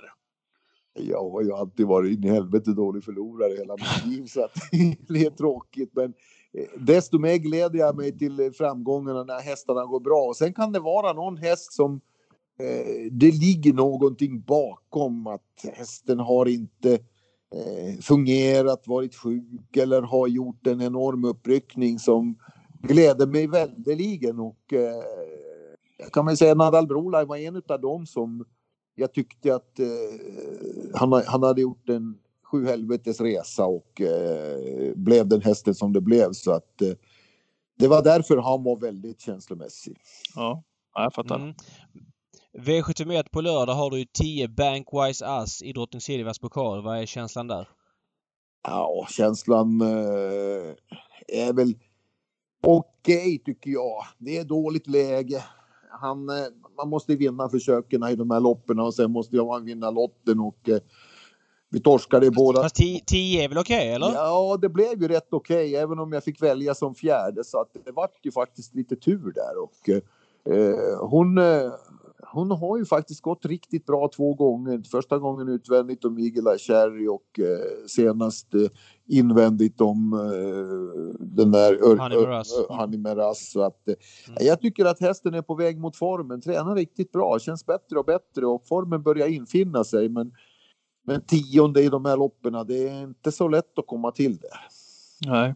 Okej, men du tycker att hon har en stigande kurva mot vad hon har presterat hittills i år? Ja, det tycker jag. Det tycker jag definitivt. Och eh, eh lite körning och lite tur, Erik hittar rätta vägen så, så tycker jag inte att hon är helt, helt chanslös för att eh, det kan hända grejer under vägen faktiskt. Mm. Du, innan du, är det några ändringar förresten som du planerar? Nej, nej. nej hon får gå barfota runt om och eh, lappar och samma vagn så att eh, inga ändringar där. Innan vi trummar på med nästa häst där, du hade ju också ett annat sto där i Alien Hill som jag tycker är spännande att följa på tävlingsbanan för jag vet aldrig riktigt vart jag har Alien Hill när man ska lira henne eller om man ska stå över henne. Um, hon tog sig inte vidare till ah. final. Vad, vad, säger du om henne där? Och det känns som att hon blandar och ger lite grann. Nej, men hon var inte frisk för dagen och eh, det, var, det var det som var bekymret. Hon var ju fem klasser sämre än på Solvalla och eh, mm. eh, hon har fått lite behandling efter den starten och eh, ja, dröjer väl ett par veckor innan hon startar igen. Men det är inga allvarliga fel, men hon, eh, hon var inte kurant för dagen. Tyvärr, fel dag. Är det en, är det en kapabel men speciell dam? En väldigt, eh, väldigt märkvärdig tjej faktiskt som har varit väldigt besvärlig och bråkig under vintern. Men eh, jag tycker att vi la om träningen lite grann där så att eh, det är det som har ändrat lite grann och hon är, hon är mycket bättre nu faktiskt. Ja, kul. Mm. Eh, I V72 har du favoriten i nuläget, fyra Kryptonite Hanover som årsdebuterar. Eh, vilken författning är han i? Ja men han är bra va. Han, eh, han hade ju han var ju startklar i slutet av eh, februari någon gång där men fick ju problem med ett öga, en eh, halvallvarlig ögoninflammation och eh, det tog ju tid med det och medicineringskarenserna och allt så att det var tyvärr det som förstörde en månad där men nu har han tränat 19 inne på Valla och, och, och han ska vara rätt så väl förberedd men en liten varning för spåret för att det är inte roligt med stor häst. Ja, okej. Okay. Okay du säger det, stor häst som eh, du tror det är viss galopprisk på? Ja, det är, ja det, är, det om inte galopprisk så kan det bli tappstart och det går ju inte på de här dagarna. Så att läget var väl inte så gynnsamt. Men han kommer att gå barfota fram, vanlig vagn och eh, norsk huvudlag. Så att eh, det är ungefär samma utrustning, men han känns eh, stark och rejäl i träningen och har fått en bra vinter utan det här ögonstrulet. Så att eh, han, han kommer nog gå bra, det tror jag. Jag har ju tjatat om Kryptonite Hanover i, här i eh, podden och även på, på lördagar, eh, eller när den, har, när den har startat helt enkelt och den har dykt upp. Eh, jag kommer ihåg den där 12-tiden den, den vann på där. Eh, när var det då? Full Ja, det var på Sol, Solvalla. Ja, Ja, i oktober, precis. Ja. Det ser ut att vara en jäkla häst det där alltså. Eh, Känns det som att han är på väg att växa i, eller har du inte samma tankar själv om, om honom som jag har? Jo, men jag, har, jag, har ju, jag delar ju din uppfattning för att det var ju så här att jag köpte honom i Harrisburg för 60 000 dollar och sen gick han till Marcus och eh, var ju, började ju växa som tusan i början på året och blev stor och slapp och eh, så bestämde vi att ta hem honom och eh, han, eh, han, är, han är ju slapp och ospänstig men nu har han ju fått rejäl tryckvagnskörning här innan jul och eh, strax efter så att eh, han har byggt upp spänsten och, spänsten och eh, han kommer att bli bra som äldre häst men eh, han är inte så bra som man kan bli än men han kommer. Han kommer. Det är en fin häst Ja. med bra härstamning på. Ja, verkligen. Eh, på lördag har du även Arranca Fes till start i lopp 12. Det blir ett väldigt tunt lopp med bara fem hästar. Vad har du för eh, känsla där? Ja, det är en fin tjej. Jag tycker att eh, det var synd att hon blev tvångsstruken utav Margaretas igår kväll, men det kanske var bättre tanke på vädret. Men, Ja. men eh, Varför blev hon det? hon, ja, hon är, det var ju så tråkigt väder igår, men hon är fin. Hon är, det är en fin häst. Jo, men, jo, men varför, varför blev hon tvångsstruken? Ja, hon har inte tillräckligt med poäng. Nej. Jaha, okej, Mm. okej, jag fattar. Hon har startat, Ja, vad sa du? hon Hon, har startat Ja. tre gånger och hoppat bort sig, väl lite rädd första starten och sen har hon vunnit två. Så att, nej, men hon är bra. Hon är bra. Den hästen tror jag på faktiskt. Men sen vet jag inte hur de andra är, men eh, det är första långresan för Arankas del. Men vi måste börja lära dem att resa och eh, det var ett lämpligt tillfälle här. Ja. mm. Du, innan vi släpper dig, jag måste bara fråga om några hästar på din lista. Admiral As, vad är status på honom? Praktiskt taget startklar. Har tränat 18 inne på Solvalla och eh, känns jättefin för dagen. Vi har ju jobbat med honom lite grann under vintern med små grejer, tagit bort en tand och höll på och sådär och eh, han är jättefin. Han behöver bara vinna ett lopp mitten på augusti. Jaha, jubileumspokalen. är det liksom det du siktar på i år? Jo, slut. men det är ju lite grann, det är ju en långsiktig plan på honom och eh, det, han är bra. Han är fin. Han har tränat idag också så han är fin. Att han bara har 840 000 på sig, kan man säga att det är, jag ska säga misslyckande, kanske fel ord, men det är för lite pengar sett till kapacitet i alla fall. Ja, men det är klart att det är misslyckande. Det är ju det är klart att det, eh, det har varit strul. Vet du. Jag menar, han eh, hamnar ju illa till både försök och final i Breeders Crown och eh, eh, sen var ju knackig på sommaren när han skulle gå Norrlands Grand Prix och eh, eh, det har väl eh, varit eh, problem med hans hållbarhet och det är helt enkelt det som har styrt. Men kan man verkligen Ja, säga att det är ett misslyckande om man har vunnit 10 lopp på 18 starter och tjänat 840 000? Sen fattar jag vad ni menar med hans kapacitet. Ja men, ja, men så här då. Jag svarar på din fråga Patrik. Han var ju eh, fyra i försök till Kungapokalen och sexa i finalen. Det gick underljudsfart båda gångerna och fick Ja. S- vad var det, 66 000 med sig. Ja. Han var tvåa på en låg nio-tid. Normalt sett i mål bakom Ecurydé, fyraårsliten, galopperade bort Ja. då 250 lax. Ja. Det är lite det jag Ja, menar exakt. med... Ja, Ja, men det, så är det ju. Jag köper det där David. Så, det är helt klart, så är det ju. Det, eh, då gick det inte att prata med efter loppet. Så, att det, så är det. Nej, det förstår jag. Det, det förstår jag. Det, det är rimligt. Ja. Men du, har du någon eh, på listan, någon treåring eller någon tvååring som du vill lyfta fram som känns lite extra?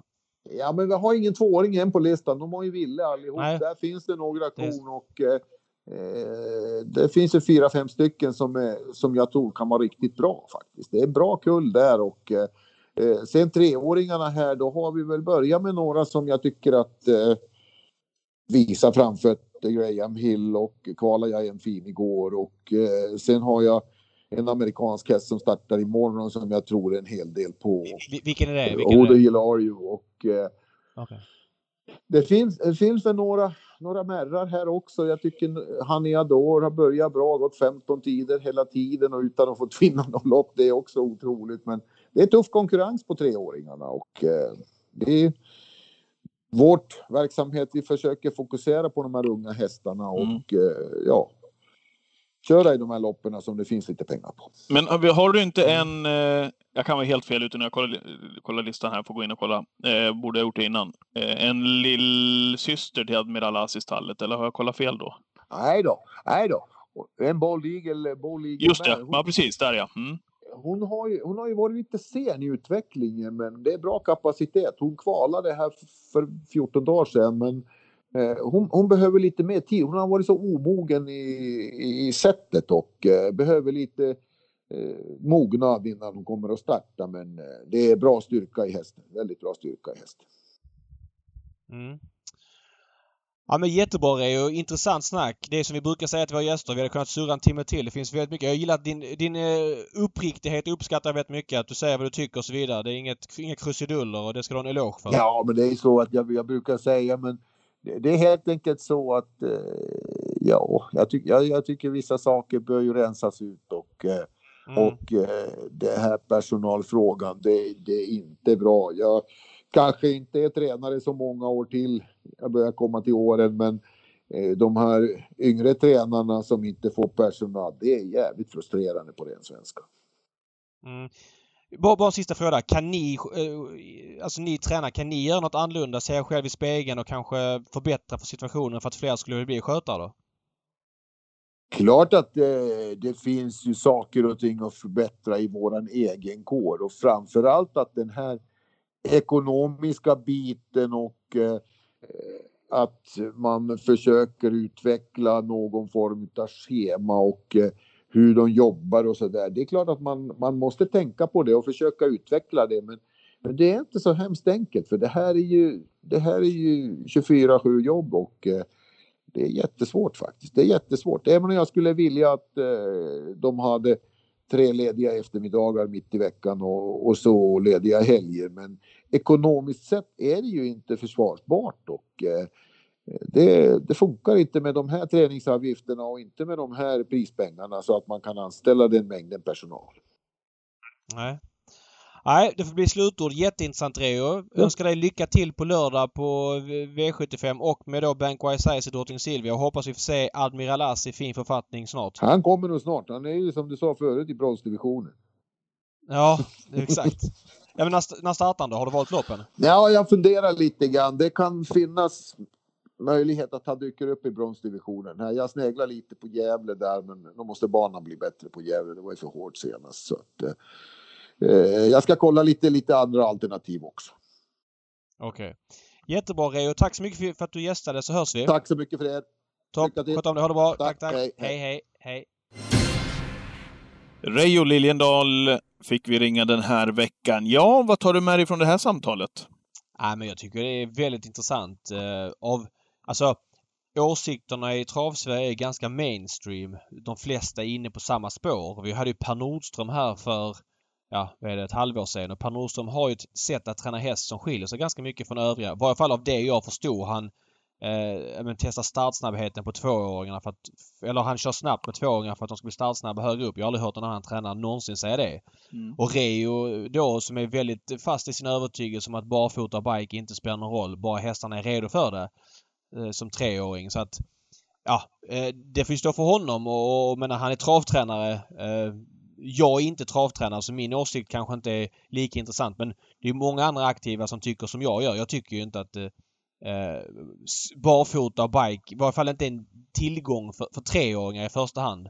Sen kan man väl debattera lite grann äldre hästar, auto kontra volt där, där man inte ska ha det i volt och när ska man köra barfota och så vidare. Det är inte riktigt jag man att svara på men jag tycker att det finns så pass mycket data som tyder på att eh, det inte är ett plus för travet att man kör med barfota och bike eh, som tre, på treåringar. Nej. Vad tycker du? Ja, men jag bara... Ja, vad gäller den frågan tänker du eller? Ja, ja, ja. ja. Eller är det överhuvudtaget? Ja, i, i, frågan så är jag väl rätt neutral. Det där, precis som du säger, det där borde travtränaren kunna avgöra på något vis. Men det, det som är, man fastnar vid är väl ändå att Reijo eh, han står för sin sak. Han, mm. eh, han är övertygad om att det är på det här viset och har inga problem att säga det, vilket, vilket är härligt att höra. Mm, ja men så är det. Och mm. bara så här, hästen vi snackade om där, Grant Boko liksom, som han vann då den här Breeze Crown-finalen med. Eh, tjänade 1,6 miljoner på ett bräde. Sen gjorde inte han mycket väsen av sig efter det. Apropå då att hästar... Eh, ja men... Så här, det, om han tas det lugnt som unghäst, det är inte, han, han tjänar förmodligen inte de pengarna. Så att ur ekonomisk aspekt är det ju bra att få kanske mycket på ett bräde. Om det är värt då. Men totalt sett så tycker jag att det blir fel balans i travsporten. När man, som det är i USA liksom. Att du kan tjäna jättemycket som treåring och sen så visst, det är bra för aveln men för travet behöver sina profiler ju och hästarna måste kunna vara med en bit upp tycker jag. Eh, det är tråkigt tycker jag när hästar försvinner. Så säger inte jag att det var så i det här fallet, Grand Booker-fallet, utan jag tog det som ett exempel för att Reo sa Ja. det. Men det var en häst som gjorde ganska många starter som fyraåring och sen äldre exporterad till Finland och det var liksom i princip slut efter treårssäsongen. Jag tog också med mig vårt prat om Nadal Broline, hur Mm. mycket han har påverkat Reyos känslor. Eh, Ja, han verkligen. följer honom idag och du sa det att ja, men är det inte lätt när, när en annan häst tränar eh, Nadal och man tycker att han borde sluta, men det lät som att det fanns så mycket mer djupt rotat i Reijo där när det gällde Nadal Broline, rent känslomässigt att han tyckte att Ja, han skulle få vila. så det det, var, det var fint. Ja, både och. Alltså det är så lätt att säga liksom att... Jag menar om Reo hade fått en 10-årig vallack, någon hade erbjudit hästen i träning hos Reo som ändå det finns... Alltså jag menar, det är klart att Nadal Broline är mycket sämre nu än vad han var för kanske två, tre år sedan. Mm. men jag menar, tackar man nej då? Nej, förmodligen inte för han lever på att ha hästen på träningslistan och det han springer in med. Men det är ingen förlustaffär för Reo att ta in en häst som inte funkar. Eh, Nej. Eller andra tränare. Det fattar jag att Reo har emotionella känslor för den hästen. Det är, det är rimligt att han ska ha det såklart. Ja. Men jag tycker inte, det finns ju inget fel. Jag menar Björn Goop har lyckats bra med hästen. Dels den debuten, kommer du ihåg när han vann på 9-1 på, på Valla där liksom. Mm. Eh, och sen då så har han blivit äldre med åren och såklart sämre. Och han var ändå helt okej senast på, på V75 så att, Absolut. eh, Hade han varit hingst hade han nog slutat tävla och betäckt. Men nu är han ju vallack. Jag menar eh, hästar mår bra av att ha uppgifter. Så, så vill jag säga. Sen så det är klart s- om det är som Savör där det tog tvärstopp. Vi pratade om det, kommer ihåg. Han gjorde något Ja, lopp här för, för ett halvår sedan. Där var det verkligen game over. Han dög ju inte men men när Nadal Brodan springer med på ett bra sätt i gulddivisionen. Så där har jag inga problem med att man tävlar med honom. Sen fattar jag emotionellt för Reo. Såklart! Eh, han nämnde också en sak som jag kanske kände där under eh, intervjun också, så här efteråt, att vi kanske har slarvat bort här i, i Travpodden Eh, i förra avsnittet, så vi ska väl kanske ändå nämna det. Han nämnde ju, eh, man kanske inte ska lyssna helt på fransmännen, de tillåter ju Fabrice Soloa att träna hästar igen, eh, sa Reijo. Och eh, ja, vi kanske ska ta ett varv kring det där också. Eller om det ens behövs. Eh, ställningen är väl rätt solklar. Ja men valid point såklart. Apropå då att fransmännen kör med skor på treåringar. Eh, då att det, varför skulle det vara ett bra beslut sett till andra beslut de tar? Jag kan inte, vet inte vem som tar vilka och så vidare. Men det jag kan konstatera det är att, att man låter Fabrice Solois träna hästar. Då har man ju inte fattat någonting tycker jag. Eh, oavsett vem som fattar det beslutet så är det ju eh, ett stort misstag man begår där och det är ju inte bra för varken fransk sport eller världssynen eh, på travsport överlag. Fabrice Solois eh, har gjort sitt inom travsporten tycker jag. Det är ju Det är ganska också enkelt och... stort- Oh, vänta, ja. vänta! Det är enkelt och okontroversiellt att ha en sån åsikt eftersom alla tycker samma sak. Men jag vill Såklart. verkligen be- betona att så är fallet. Att dopa hästar som man har gjort eh, med kobolt som då, som jag förstår det, eh, förstör organen på sikt. Eh, sen kan man då jag vet inte vilka bevis det finns emot och fram och tillbaks. Men han har de facto använt otillåtna preparat. Det räcker för mig för att man ska vara borta och förbrukat sin rätt att hålla på med hästar. Ja, och där har du framfört Travpoddens syn på, på hela den där soppan. Ja, det är min ju. Vad du tycker, det får stå för dig liksom. Ja, men eh, jag, jag, jag, stryker ju bara under givetvis. Ja, Precis som du ja. säger, alla, alla tycker det där och det är ju sunt. Däremot, jag skulle säga är ju att det är ju ett underbetyg till europeisk, e- europeisk travsport. Jag kan ju tycka någonstans att man borde ha ett så pass samlat, en samlad syn på det här, alla stora travländer i Europa, att han inte ska sätta sin, sin fot på en travbana Nej, jag hade igen. gärna haft, ja, jag hade ha- gärna haft med någon från franska förbundet och, och hört vad deras argument är mot att han får eh, eh, fortsätta. Nu får han inte tävla i Norden. De nordiska förbunden har gått ihop och, och det är ju skitbra tycker jag att man liksom ser till att han inte kan komma hit. Men jag undrar hur man resonerar i Frankrike. Om det är liksom att de hävdar att avstängning är, är verkningslös eftersom han ändå tränar, heter han, François Bi- Billard. Billards Mm, hästar. mm. Ja, han har ju Guido Pré i alla fall och alla vet att det är Siloa som driver verksamheten. Att de då menar att det inte har någon effekt eller att det har gått fyra år att det är en del av straffet att man då anser att han är klar för det var ju tio års avstängning han fick. Jag vill veta det. Jag vill undra om man resonerar för att det känns eh, som att de kan inte ha ett enda argument som gör att man aha, okej, då förstår jag. Nej. Nej, eh, verkligen. V75 nu David, till på lördag. Det är Åby Mm. som kör Paralympiatravet. Jag tänker att vi ska gnugga igenom de stora loppen här och vi börjar med drottning Silvias pokal som också utgör V75s första avdelning. Det är en miljon som väntar på vinnaren där. Favorit Björn Goop med Eagle Eye Cherry som har innerspår. Vad säger du? Mm, Eagle Eye Cherry som ändå har blivit liksom drottningens, eller kullens drottning utan att vara den bästa hästen tycker jag. Uh, hon fick ju ett bra lopp i och tjänade väldigt mycket pengar där. Sen var hon, höjde hon sig efter det tycker jag när hon vann ett par lopp från spets och vann ju försöket väldigt enkelt. Jag vet inte om jag har fel här men i min lilla bok är hon ändå inte lika bra som 2 och 3, alltså Honey med Russ och 50 Cent Piece. Den där uh, sistnämnda gillade jag. Ja, och uh, det är klart att Björn Goop från spår 1, han kan välja om han vill köra spets eller se till att få ryggledaren. Hon borde ha en rimlig chans från båda positionerna. Men barfota runt om första gången på Honey med Russ. Känns som att hon kan vara hur bra som helst. Och 50 Cent Piece med det här loppet i kroppen vann ju på ett rejält sätt i, i försöket. De två är tidigare för mig och framförallt när de då är mycket mindre spelade, det vill säga mer än hälften av Eagle Eye Cherry, så kommer jag betala mest för de två. Du då? Ja. ja jag gillade jag hade ett extra öga på eh, henne, 50 Cent Piece, efter vi hade pratat med Robert Berg här i, i podden. Och det, ja, det var en, eh, en häst som jag verkligen fastnade för. Jag tycker att hon ser jättefin ut och ja, avgjorde på ett kanonfint sätt senast. Så att jag vill gärna se eh, henne bjuda upp till eh, dans i alla fall mot, mot Eagle Eye Cherry. Spännande när du säger det med Eagle Eye Cherry, eh, David, med tanke på hur hon har gått fram här som ung häst. Var det inte lite samma känsla man hade med Melby Free när hon drog fram i unghäståren där också?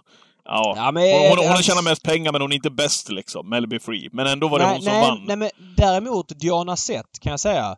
Alltså jag undrar hur mycket bättre Diana Sett är än Milady Grace och de här Alaska Kronos och Ganga B som är med i kullen. Jag, jag, tror det är väldigt mycket jämnare än att Diana Sett har tjänat 10 miljoner och den som är tvåa har tjänat 4. Typ. Ja. Alltså så mycket skiljer det inte. Men Diana Sett har gjort det som man ändå ska göra. Hon har varit startsnabb, hon har varit travsäker och hon har haft en jämn nivå. Det har ju också Eagle Eye Cherry haft hittills. Mm. Uh, jag tror det är, det är ett mer liknande fall även om jag kanske tror att Diana Sett var närmre toppen i sin kull än vad... Uh, alltså topp, toppplatsen. Än vad jag tycker att Eagle Eye Cherry är. Tror typ att Hoboken är betydligt bättre än Eagle Eye Cherry. Uh, för att nämna ja. en häst. Okej. Okay. Eh, V75s tredje avdelning, Kungapokalen. Brambling struken och eh, storfavorit blir Örnas Prince. Vilken utveckling på honom ändå, även om han har varit bra eh, Eh, i karriären. Men håller du med?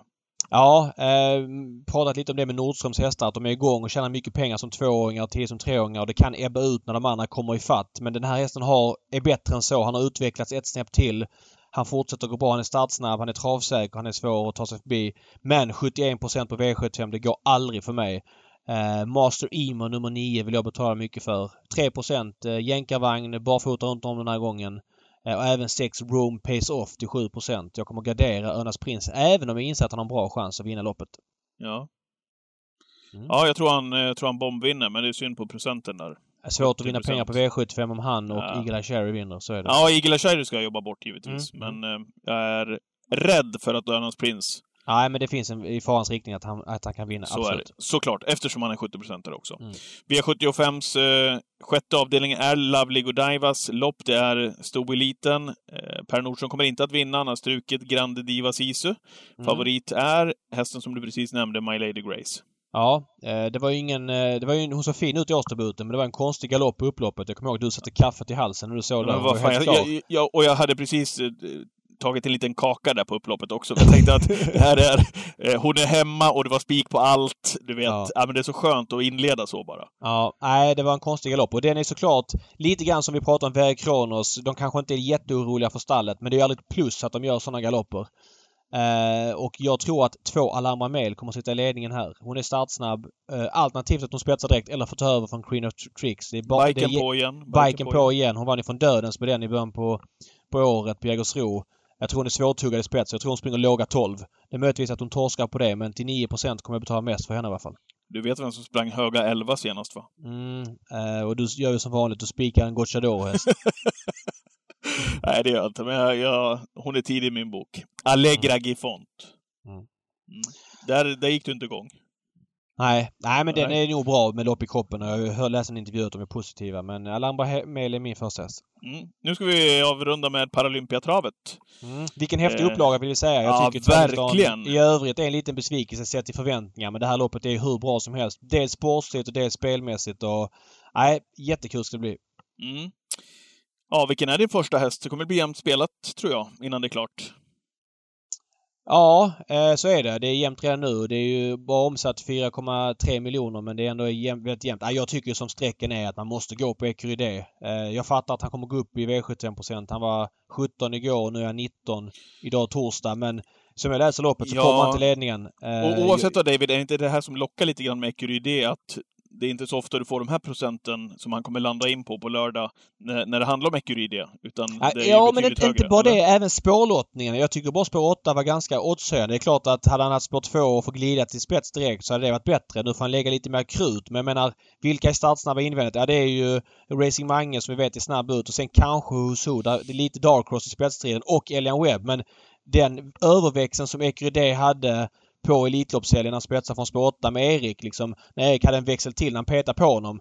Den utvecklingen gör att han kommer komma till spets här tror jag om Björn verkligen vill och då ska han slås från ledningen. Han kan torska från spets. De andra hästarna är så pass bra. Nej, Jaha, Men- jag tänkte just säga det. Ja, men då är väl loppet över? Ja, men lite så. Det är klart att han har toppchans från spets. Men jag kan också säga en torska. Jag kan se någon från ryggledaren vinna. Han måste ju springa jämna 10 liksom. Och det är inte säkert att han kan det. Eller 10,5 kanske höga 10 då. Men och det kan han torska på. Men eh, till 19 procent. Ja, men herregud. För mig är det bara spikar. Ja. Ja, det, det kommer fälla avgörande det, hur strecken skickas Ja. iväg här nu sista dagarna. För jag har ju sagt Who's Who hela tiden, men jag kunde inte i min vildaste fantasi säga att när vi spelar in podden nu att Who's Who skulle vara mer spelad än Ecuride. Det hade jag inte trott, så att man får väl ta det i beaktning. Men, men sättet han har löst sina, de här två starterna på, det, ja, det har ju varit fullständigt briljant alltså. Vilket Mm. intryck på honom. Så att jag kan se Kihlström sitta i andra ut också. Ja, men Ja. det är svårt att vinna de här loppen från andra spår. Jag tror man måste vara på innerspår. Jag tror att han, Örjan kör, chansar och laddar för att få överta från Racing Mange och sen kanske släpper Mm, okej. till Då, då räknar du bort Aetos Kronos också då, för han kommer väl inte sitta på innerspår? Nej, nej, men det, så här. Det, det är klart de kan vinna från anspår om det blir toktempo, om det går typ eh, 9 på varvet eller något sånt. Men gör det inte det, går det 11 på varvet så tror jag de är rökta. Ja. jag vill bara säga det, Delade Pomerös som ändå är favorit nu. Hon har ändå vunnit ett lopp på sina 20 senaste starter. Visst, hon har mött de bästa och så vidare, men det är ingen riktig vinnartyp. Eh, och det är lång resa första gången och det är lite faktorer som gör att hon hade varit rolig som tredjehandare. Då hade jag kunnat spika henne. Men som favorit, även om det är knappt, så känns hon inte så sexig för min del. Hon slog ändå Facetime Bourbon där i mitten på februari. Jo, jag vet, jag vet. Eh, I Prix de France. Men nej, jag, jag vill inte gå på henne som favorit. Nej. Kul lopp! Okej. Grymt. Ja, verkligen. Och vad kul att prata på Twitchen på, på lördag Ja, klockan, lördag. klockan ett. Då, det är Ja. vi taggade för. Ja. Eh, häng, häng med oss då.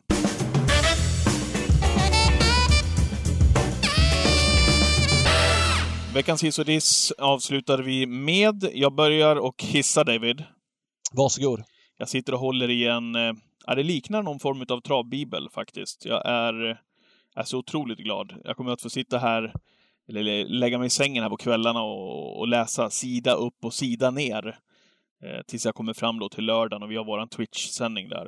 Eh, Mm. Och jag pratar om Åbys V75 travprogram. Vilket jäkla jobb de har gjort, hela gänget där med Fölet och de övriga på, på Åbytravet. Vilket travprogram alltså! Det här är ju det här är ju något unikt. Det här är något nytt. Det är alltså inför varje lopp eh, så är det då ett, eh, ja, men ett reportage om loppet med eh, information om i stort sett varenda häst. Eh, kolla här, konung Gustav Vs pokal och så står det lite grann om loppet och så står det om hästarna. Lite visste du att? Sebastian Kovan, var en riktig överraskning, bla bla bla. Eh, snabbast ut, eh, första 200 försöken av deltagarna. Ja, men det finns hur mycket information att bara göttas i. Det gör det ju aldrig i ett travprogram nu för tiden. Det blir ju tunnare och tunnare. Och här sitter man då och håller i Åbys travprogram på lördag och man bara eh, kan götta ner sig i det. Det eh, är nej, otroligt bra jobbat. Snyggt! Hoppas fler tar efter. Det, det tar sin tid.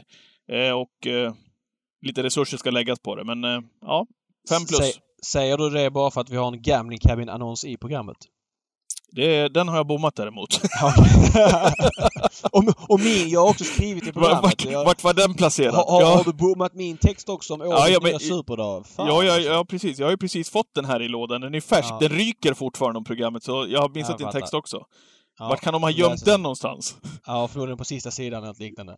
Ja, Nej, precis. men det, jag håller med. Gediget jobb. Eh, verkligen. Mm. Ja, det här är... Ja, fem plus. Ja, Eh, hissen till eh, gänget på Åby. Ja eh, men dissen är kanske en liten övergång också. Man kanske har jobbat så mycket på programmet att man har glömt andra saker. Nej, det var ju lite elakt sagt men Nej, men jag skämtar. Men så här, ett, ett problem. Det här är ett problem. Det här är en stor dag. Det här är Sveriges, i mitt tycke, på förhand tredje bästa travdag. Eh, det är Elitloppssöndagen, Elitloppslördagen som är bättre. Sen kan man ju tycka och smak Sprintermästaren, Åbergs, eh, Åby Stora, whatever. Men här är det ju mycket pengar att köra om och topphästar. Eh, ramloppen. Lopp 1, Montelopp, 9 till start, två strukna. Det kan man inte hjälpa. Det är sju kvar. Eh, lopp eh, 2, eh, kallblodslopp, 11 till start av 15 möjliga. Eh, lopp 3, ja, där skrämde kanske Hail Mary bort många men eh, det är eh, nio hästar till start. Eh, och i Lyons lopp av 12 då. Lopp 4 är fullt. Sen då lopp, to lopp 12, sista loppet, treårshästar, eh, fem hästar till start. Eh, det är för dåligt eh, bara, rent ut sagt. Sen är det ju såklart huvudansvaret är på tränarna som inte anmäler. Samtidigt propositionerna. Det här treårsloppet ligger alltså samma vecka som Margaretas eh, treårsserie. Det är ju klart att de tar ut hästar från varandra. Eller Margaretas unga serie på Solvalla. Kanske att man måste synka propositionsskrivandet lite mer. Jag vet inte. Det är väldigt tråkigt att det är så tunna ramlopp utanför. Att de inte vill möta Hail Mary kan vi köpa. Eh, att det bara är nio emot det loppet. Men de andra loppen då. Eh, och man får sluta skriva ut treårslopp till högsta klassen eh, så pass ofta. För det är alltid tunt anmält oavsett vart de kör. Även om det är vårfavoriten eller sommarfavoriten eller på Jägersro eller på Åby så är det nästan allt tunt. För alla siktar på hösten med kriteriet som är premiechansning och Breeders Crown. Där är mest pengar att tävla om. Jag tycker att man ska införa typ att man kör 100, eh, max högst 100 000 75 till vinnaren eller något liknande i de här treårsloppen för det här är ett problem. Eh, jättetråkigt, I, i, ja. Ja, jättetråkigt att den här dagen inte har eh, så pass bra ramlopp som den verkligen förtjänar sett till vilken dag vi har framför oss. Men innan man kommer till lopp 12 och man ska bläddra i programmet David, då får man sitta och mm. bläddra mm. länge innan man kommer och ser, ja. ser att det bara är fem hästar kvar. Ja. Eller fem hästar anmälda. Ja. ja, Point taken. Bra. Eh, är du nöjd för den här veckan? Jag är skitnöjd och ser fram emot eh, tävlingsdagen på lördag som trots allt ändå håller bra klass såklart. Men eh, nej, det ska bli jättekul att se på Olympiatravet framförallt. På återhörande nästa vecka när Travpodden såklart är tillbaka. Ha en trevlig helg så hörs vi. Mm, det gör vi. Vi blir lite långa den här gången också. Sorry för det. Hej! Är vi? Åh oh, nej. Åh oh, nej.